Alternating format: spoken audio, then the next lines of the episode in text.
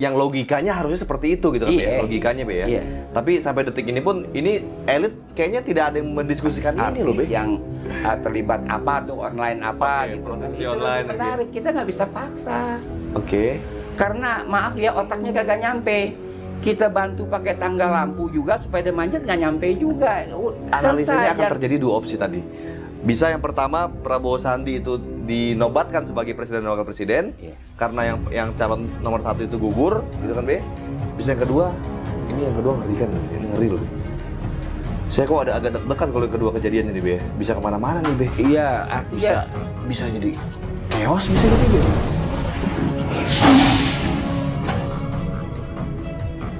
Ya, Assalamualaikum warahmatullahi wabarakatuh Teman-teman semua, balik lagi bersama gue Faskur Semi di Macan Idealis Nah, Hari ini gue mau diskusi sama Babe mengenai setelahnya nih, after after putusan MA44 ini Kira-kira opsi-opsi apa yang akan terjadi di negara kita? Kan MA44 kan udah jelas tuh Be, keputusan mengenai KPU dan pemilihan eh, Pilpres dan pemilihan umum itu Be Gimana menurut Babe Be?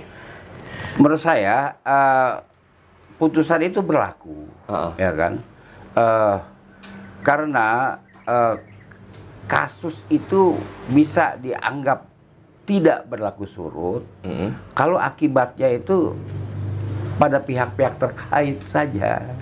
Mm-mm. Sedangkan kalau sebuah kasus eh, membawa akibat yang begitu luas, Mm. itu nggak ada cerita tidak berlaku surut, ya kan? Karena banyak ada beberapa ahli hukum ngomongnya begitu katanya Be ya Dia bilang katanya tidak berlaku surut Ya itu argumentasi yang terlalu sederhana sekali. Sederhana? Yang iya yang tidak berlaku surut itu apa? Yang berlaku surut itu apa? Hmm. Kalau kasus yang membawa akibat yang berkepanjangan, Iya. ya kan, yang meluas itu nggak bisa. Kecuali itu lebih mungkin tidak berlaku surut pada masalah-masalah perdata, tapi tidak pada masalah pidana, termasuk pidana politik nggak bisa. Mm-mm. Itu tidak berlaku. Kalau kejadiannya sudah jelas di pada saat yang lalu, Iya. berarti bukan otomatis kita membenarkan kejadian yang lalu itu dong. Iya, Kan kayak yang gitu, ya? berlaku yang dimaksud berlaku surut begini. Kan keputusan itu baru dijatuhkan eh, bulan Oktober Iya. 28 Iya. Oktober Iya. tahun 2019. Heeh. Sedangkan pelantikan sudah terjadi 20 Oktober 2019. Iya. Perbuatan KPU yang dianggap merupakan pelanggaran Iya. yaitu eh, dia memenangkan eh, calon terpilih dengan cara-cara yang tidak sesuai dengan Undang-Undang Dasar 45 perubahan Iya. dan dengan Undang-Undang Pilpres Iya. kan itu. Ini Mahkamah Agung loh, Be, lembaga tertinggi di ini kita lagi cerita. I- itu kan eh, itu masalahnya. Hmm. Lalu logika orang yang berpikir be- tidak berlaku surut, Hmm. kejadiannya kan eh, pada mulai persiapan pemilu, nyolok, penghitungan suara, itu kan sudah berlalu. Iya. Kok di putusan batalnya sekarang ini nggak bisa berlaku surut? Ya nggak bukan begitu logikanya. Nggak masuk logikanya. Nggak Be. masuk logikanya. Kalau masalah perdata bisa lah tidak berlaku surut, ya kan? Oke. Nggak berlaku surut tuh bisa. Tapi kalau kalau persoalan eh, pidana politik yang seperti ini itu jelas menyangkut ke kepentingan seluruh bangsa dan negara. Iya, iya. Kalau ke- eh, kesalahan itu, kalau pelanggaran itu dibiarkan terus-menerus kita hidup di, di luar koridor hukum berarti. Iya, iya, Ya kan iya. jadi nggak ada. Jadi kalau mem- mau membela diri, buatlah argumentasi yang bagus. Ya kan jangan jangan argumentasinya sederhana begitu. Ini tidak berlaku surut. Ya itu terlalu sederhana. Buatlah yang bagus gitu argumentasinya. Iya. Jadi eh, sekarang kita lihat apa setelah eh, MA umumkan melalui situsnya eh, gugatan Rahmawati eh, dimenangkan. Iya. KPU lalu menjawab, ya kan? KPU menjawab itu eh, tidak cocok apa yang diputuskan oleh Mahkamah Agung, ya kan? Bahkan Ah. tidak berdampak apa-apa katanya. Ah, ya tidak berdampak, bukan tidak berdampak apa-apa itu komentar. Iya. Kalau surat dia itu antara lain mengatakan "I- ini kan eh, tidak bisa bukan dua eh, dua pasangan calon. Apa maksud saya bukan pasangan lebih dari dua pasangan. Pasangan yang bertarung itu hanya dua. Mm. Kalau lebih dari dua itu ada pemilihan eh, tangka- eh, tingkat kedua. Iya. Ini kan nggak bisa lu Putaran kedua. putaran kedua. Iya. Lah ini nggak relevan dengan apa yang diputuskan oleh Mahkamah Agung. Iya. Jadi Mahkamah ah, Mahkamah Agung bicara apa, dia bicara apa, ya kan? Lalu mengingat status dia itu dia itu panitia. Melihat statusnya KPU, KPU kan cuma panitia Panitia. berhadapan dengan lembaga tinggi negara. Dalam hal ini Mahkamah Agung. Iya, iya. Jadi eh, untuk keputusan Mahkamah Agung dia tidak bisa mengatakan eh, mengelak dengan argumentasi yang tidak relevan dengan konten putusan itu. Iya. Bicara ini pemilu apa itu tidak tidak bisa dua putaran lah dan sebagainya itu nggak relevan, bukan itu Oke. yang dipersoalkan. Ah. Yang dipersoalkan keputusan kamu menyatakan Bapak A dan Bapak B adalah capres dan eh, presiden dan wakil presiden terpilih itu yang salah karena kamu menentukannya dengan aturan-aturan yang kamu bikin sendiri yang melanggar ketentuan hukum yang ada. Itu masalahnya. Oke. Nah, sekarang misalnya dia kekeh, itu terang kembali kepada DKPP, Mm, Dewan Kehormatan Penyelenggara Pemilu. mm. DKPP tidak bisa membatalkan keputusan KPU. Nggak bisa. Nggak bisa, dia hanya bisa memberhentikan. Iya. Kalau dia anggap perbuatan itu salah, memberhentikan pihak-pihak yang terkait. Eh, lalu apa berikutnya? Berikutnya adalah pergulatan politik. Berikutnya pergulatan politik terus menerus, ya kan, yang terjadi eh, di dalam keadaan negara yang cukup berat ya menghadapi masalah-masalah APBN, eh, di mana pada tahun pada bulan Agustus itu rancangan APBN tahun hadapan sudah harus dibuat, sedangkan keadaan APBN sekarang seperti ini, ya kan? Eh, banyak sekali tuntutan-tuntutan anggaran rupa-rupa lah. Iya, iya, iya. Nah, ini s- bisa posisi KPU sebagai panitia melemah, Mm. sebagai panitia bisa melemah. Lalu, kalau KPU melemah, lalu apa yang terjadi, ya kan? Karena KPU melemah karena keluar keputusan DKPP memberhentikan satu orang atau sejumlah orang. Hmm. Lalu apa yang terjadi dengan itu? Pilihannya adalah memenangkan calon yang lain. Prabowo dimenangkan. Iya, Prabowo dan Sandi karena tidak mungkinnya diadakan pilpres ulang. Prabowo dimenangkan karena keputusan MA tersebut. Iya. Kecuali bisa di- digelar pilpres dalam kondisi keuangan seperti ini. Oke. Iya Jadi kan? Prabowo dan Sandi menjadi presiden dan wakil presiden Republik Indonesia. Itu itu sebuah opsi dalam bahasan kita sekarang. Oke. ya kan? Kita tidak memastikan dia akan presiden dan jadi wakil presiden. Iya. KPU kalau KPU yang memegang eh, keputusan Iya. eh, bahwa dia akhirnya dia menerima eh, putusan MA Iya. setelah dia terkena DKPP, sanksi dari DKPP, maka pilihan dia adakan pilpres ulang. Adakan pilpres ulang itu ulang itu dalam keadaan begini nggak mungkin. besar, iya. Anggaran tidak ada, bahkan pilkada Desember pun terancam eh, diundur lagi. Iya. Nggak mungkin itu. Maka dia apa namanya eh, menetapkan calon yang lain untuk dinyatakan menang sendirinya kan Oke, begitu. iya. Tetapi apa pun yang akan diambil ini tidak menyelesaikan masalah pada waktu itu. Hmm. Masalah it- eh, pada waktu sekarang maksud saya tidak bisa menyelesaikan masalah. Hmm. Dan kalau kita lihat eh, keadaan yang sekarang ini, eh, ambil misal ya dari puling-puling yang ada. Hmm. Prabowo memang melorot, tapi tetap di atas sebagai calon presiden kan begitu ya. Hmm. Nah, itu kalau kita lihat puling. Tapi sekarang ka- ka- sekarang kita lihat hukum. Hmm. Apa yang mau diambil? Hmm. Dia menetapkan Prabowo dan Hans Sandi sebagai presiden dan wakil presiden terpilih karena yang sudah dinyatakan terpilih eh, sebelumnya itu batal demi hukum. Iya. Ini juga apa ada ketentuannya Hmm. kan gitu. Hmm. Kalau nggak ada ketentuannya ini pil pemilu ulang, pilpres ulang. Kalau pilpres ulang, pertanyaannya secara teknis bisa nggak itu diselenggarakan dalam waktu dekat? Kan nggak bisa lama-lama karena akan terjadi vacuum of power. Iya.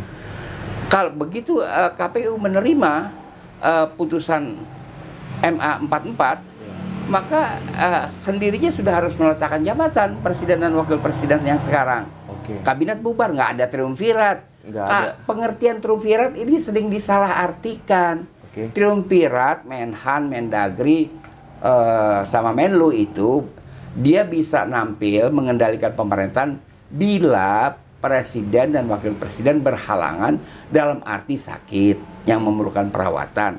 Bukan diberhentikan. Kalau diberhentikan kagak ada Menlu lagi dong, nggak ada Mendagri, nggak ada Menhan, nggak ada kabinet. Karena yang bermasalah adalah proses pemilihannya. Iya. Jadi otomatis jajaran dari presiden sampai menterinya, Eh, produknya produk dan produk-produknya batal juga. batal juga demi Ya, hukum. Iya, begitu. Jadi triumvirat itu pun tidak berlaku nggak kan? bisa, mana ada bisa pakai triumvirat.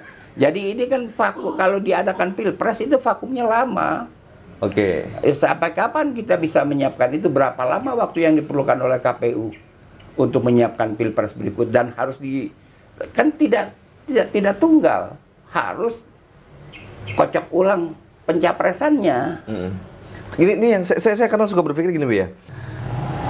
Persoalan ini nggak terjangkau. Oke. Itu. Tapi berarti pada saat elit-elit semua tidak terjangkau atau tidak memikirkan untuk hal ini, terus gimana bisa terjadi eh, mekanisme politiknya, Be? mekanisme politik tetap berjalan karena ini kan follower saja mereka ini Followers. follower belaka Ada lagi kekuatan besar di belakang itu. ya artinya mereka ini kan pekerja politik bukan politikus Oke. kalau anda nyebut Natsir nyebut Wilopo nyebut Leimena Iya. Kasimo eh, Prawoto Mangkosasmito itu politikus yang ada sekarang kan pekerja politik jadi dia jangan dituntut dia bisa masuk dalam pe- ranah pemikiran yang sedang kita debat ini Oke, oke, oke. susah dia nggak kuat Oke. ya kan nggak kuat lebih asik dia lihat YouTube eh, masalah-masalah eh, kriminal. Iya. ya kan kan rame-rame itu. Prostitusi online. ya something like that. Nah itu mungkin menarik. Nah kita lanjutkan. KPU sebagai panitia tidak bisa bertahan dengan pendiriannya itu. Karena dia berhadapan dengan lembaga ter- lembaga tertinggi. Dia nggak bisa bertahan. Oke. kalau dia menyerah problema kita mengangkat calon berikut. Iya. dasarnya apa Iya. ya kan? Memenangkan uh, pasangan Prabowo Sandi dasarnya apa? Mm-mm. pil pilpres ulang dananya apa? Dananya- dari mana? Iya. itu problem yang kita hadapi. Tetapi in the meantime kita lihat proses uh, gugatan terhadap judul Undang-Undang Dasar 45 yang dipakai oleh uh, Konstitusi Perubahan kan makin bergerak maju jangan salah dalam persidangan yang kemarin yang persidangan yang terakhir kemarin sudah eh, didengar jawaban atau replik dari pihak penggugat. Mm. Eh, Berkaitan ya, Be, itu, Be, ya? Iya, ma, iya karena kita dalam eh, space yang sama, Iya, iya. nggak bisa nggak berkaitan. Iya. Eh, di mana ma- hakim meminta baik kepada tergugat maupun penggugat itu memberikan argumentasi dengan data-data bahwa eh, penggugat itu mempunyai alasan yang kuat untuk men- mengatakan bahwa pengadilan ini berwenang untuk me- mengadili perkara gugatan Mm. yang dia ajukan. Mm. Kepada tergugat, hakim meminta Mm. bahwa eh, Berikan alasan. mereka eh, si tergugat itu harus memberikan argumentasi dengan data-data kenapa pengadilan ini tidak berwenang. Ya. Nah, begitu. Mm. Nah, sekarang kita lihat jurisprudensi pengadilan Indonesia untuk perkara-perkara setingkat ini. Perkara politik Udah pernah ada ya? Kayak Sudah pernah ada. se- seperti ini diskusi. sudah pernah ada, sudah pernah ada masalah dan ini. apa? Kalau pengadilan itu tidak eh, menyatakan tidak berwenang Oke. mengadili suatu perkara yang mempunyai dimensi politik, Hah? itu dia nyatakan dari awal. Ketika perkara itu didaftarkan. No object, no option, NO gitu, Iya. ya? Oke. Iya. Jadi itu terjadi ketika Mr. Muhammad Rum tahun 1960 mengajukan gugatan kepada Mahkamah Ag- Mahkamah Agung itu aku eh, apa namanya eh, tentang Pembubaran Masyumi. pembu- pembubaran Masyumi. Oke. Kepres yang dikeluarkan pada Agustus 1960. Mm, mm. Itu minta dibatalkan oleh eh, Mr. Muhammad Rum. Iya, iya. MA di dalam sidang yang pertama dan terakhir Heeh. itu waktu mengatakan bahwa kami tidak berwenang mengadili perkara ini. Oke. Jadi harus from the beginning sudah Dari dinyatakan awalnya. Iya. Dari awalnya. Di awalnya sudah dinyatakan itu. Iya. Jadi tidak uh, pengadilan berproses sebegitu jauh. Kita ketahui Baru bahwa dibilang tidak berwenang. Yes. Mungkin. Oke. Sudah kita ketahui uh, sidang berikut adalah memberi kesempatan uh, kepada Tergugat dan penggugat. Tergugat, penggugat sudah Iya. habis. Mm. Tergugat untuk uh, menjawab jawaban dari pihak penggugat. Kemudian itu uh, hakim menjatuhkan vonis. Mm-mm. Nah, kalau saya melihat uh, tidak terlalu rele- relevan lagi membicarakan apakah pengadilan itu berwenang atau tidak karena pengadilannya sudah berjalan. Kalau dia tidak berwenang, untuk apa uh, penggugat diberi kesempatan bicara dua kali, tergugat akan dua kali juga kan Iya, pe- iya. proses perjalanan pe- pengadilan sudah berjalan Iya, iya. sesuai dengan uh, uh, prosedurnya. Ya, kalau memang tidak berwenang dari awal sudah di-cut, di-cut Itu gitu ya. Bukan di sini tempatnya. Tidak, Kalian iya. bisa coba di sana, misalnya gitu kali Atau ya. kami pengadilan Indonesia tidak ada yang berhak mengadili ini. Seperti Mahkamah Agung menolak gugatan Mr. Rom. Iya, iya. Kalau Mahkamah Agung sudah menolak, mau dibawa ke mana tuh perkara? Masa ke KUA? Kan nggak mungkin, nggak relevan. Sudah selesai. Nah, seandainya keputusan eh, pengadilan Jakarta Pusat itu menyata menerima gugatan eh, Zulkifli, Iya. yaitu eh, Undang-Undang Dasar Perubahan tidak berhak memakai judul Undang-Undang Dasar 45 Hmm. karena itu termasuk di dalam apa namanya uh, plagiarism. Hmm. Uh, plagiarism itu uh, kewenangan pengadilan, plagiat. Plagiat merek dagang, plagiat lagu, plagiat karya, ya kan? Hmm. Eh, uh, karya cipta, uh, seluruhnya itu termasuk karya cipta. Hmm. Nah, jadi mengambil judul Undang-Undang Dasar 45 yang sudah uh, bertakhta dalam lembaran empat lembaran negara begitu saja oleh penggugat dinyatakan itu adalah semacam plagiat karena konten dari konstitusi 45 dengan perubahan empat kali itu kontennya tidak sama dengan yang asli Hmm. Hmm. begitu ya kan Dan Seperti- tidak terdaftar di lembaga negara emangnya, Be? Eh, ini tidak terdaftar yang perubahan itu tidak terdaftar Ini menarik loh, Be. Kok bisa am- apa amandemen ataupun perubahan Undang-Undang 45 ini tidak terdaftar? Jadi kita nggak punya dasar hukum lagi dong kalau gitu, Be. Enggak. Ti- eh, eh, jadi berlakunya Undang-Undang Dasar 45 perubahan empat kali itu oleh kekuatan politik, bukan oleh asas pemberlakuan hukum. Oke. Begitu yang Iya, terjadi iya. sekarang. Iya. Nah, eh, jadi eh, umpama eh, gugatan Zulkifli itu diterima oleh pengadilan, kita vakum konstitusi, Vacuum of power, vakum konstitusi. konstitusi. Otomatis vacuum of power dong, Be, kalau vacuum konstitusi. sendirinya tidak berjalan. Eh, mekanisme power tidak bisa berjalan. Hmm. Itu ada vakum konstitusi. Kalau vakum konstitusi seperti itu, apa jalan keluarnya? Wow, saya nggak tahu ya. Tetapi tentu ada jalan keluar. Ini ini ngeri loh ini, Be. Kalau itu terjadi ngeri loh ini, Be. Iya. Bisa banyak nih udah udah kepala-kepala nih udah bisa banyak ini nih, Iya. Be. Yang terjadi nih. Iya, Wow. iya, iya, iya itu. Jadi eh, saya nggak tahu ya apa yang akan terjadi setelah itu. Iya, iya, Eh, ka- kalau pengadilan Jakarta Pusat menerima Gugatannya. eh, gugatannya Zul. Zul. Tapi kalau pengadilan mengatakan dia nggak berwenang itu terlambat mestinya pada awal. Iya, iya. Bukan pengadilan sudah berjalan. Oke, oke. Gitu. Ya, ini menarik banget ya guys. Jadi ini loh, ini tadi Babe poinnya adalah menyampaikan kira-kira analisanya akan terjadi dua opsi tadi. Bisa yang pertama Prabowo Sandi itu dinobatkan sebagai presiden dan wakil presiden Iya. karena yang yang calon nomor satu itu gugur, gitu kan Be? Bisa yang kedua, ini yang kedua ngeri kan, ini ngeri loh Be.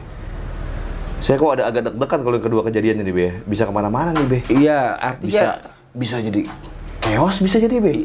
eh, begini ya, kita jangan berpikir chaos dulu kan. Ini kan namanya pikiran-pikiran ini mengajak kita berantisipasi Iya, iya. terhadap kemungkinan yang paling buruk. Jangan asik-asik aja nonton YouTube-YouTube begituan gitu kan ya, yang kagak ada kelasnya kan. eh eh, tidak mau memikirkan soal ini salah dong. Iya. Berpolitik itu 24 jam kok. Iya. Karena politik itu seperti udara, kita hisap tiap hari. Iya. Nah, sekarang rada terhalang karena ada ini kopat Covid ya. Kita Pakai masker. pakai pakai masker, ada kopat Covid. Tapi toh tetap kita bernafas. Oke. Politik itu seperti udara, nggak bisa kita menghindar dari itu. Iya, iya, iya, iya. Ya kan? Cuman eh, apa itu eh, respon, reaksi eh, masing-masing orang tergantung dari pengalamannya dan pendidikannya. Itu saja. Iya, iya. Ya teman-teman, ini kira-kira uh, diskusi gue sama Babe karena memang Babe lah yang perlu gue tanyakan mengenai hal ini karena Babe itu udah mengalami beberapa rezim. Dari rezim awal negara ini Babe juga sudah alamin, bahkan beliau juga berkecimpung langsung di dunia itu kan. Di dunia, memang memang aktivis beliau ini. Kita nggak usah lakukan lagi lah memang legend di dunia itu. Banyak kejadian-kejadian yang menurut Babe kalau begini kok biasanya begini. Ini diskusi di belakang kamera nih biasanya nih. Ada yang lebih ngeri lagi sebenarnya. Ini analisa-analisa yang perlu kita cermati bareng-bareng. Menurut kalian bagaimana pandangan kalian mengenai hal ini? Kejadian yang yang penting banget. Ini berhubungan dengan eh, bagaimana kita mengaplikasikan diri kita terhadap bangsa dan negara. Kira-kira gitu kali Be ya? Iya. Ya teman-teman coba tulis kolom, eh, di kolom komentar pandangan kalian eh, mengenai hal ini seperti apa.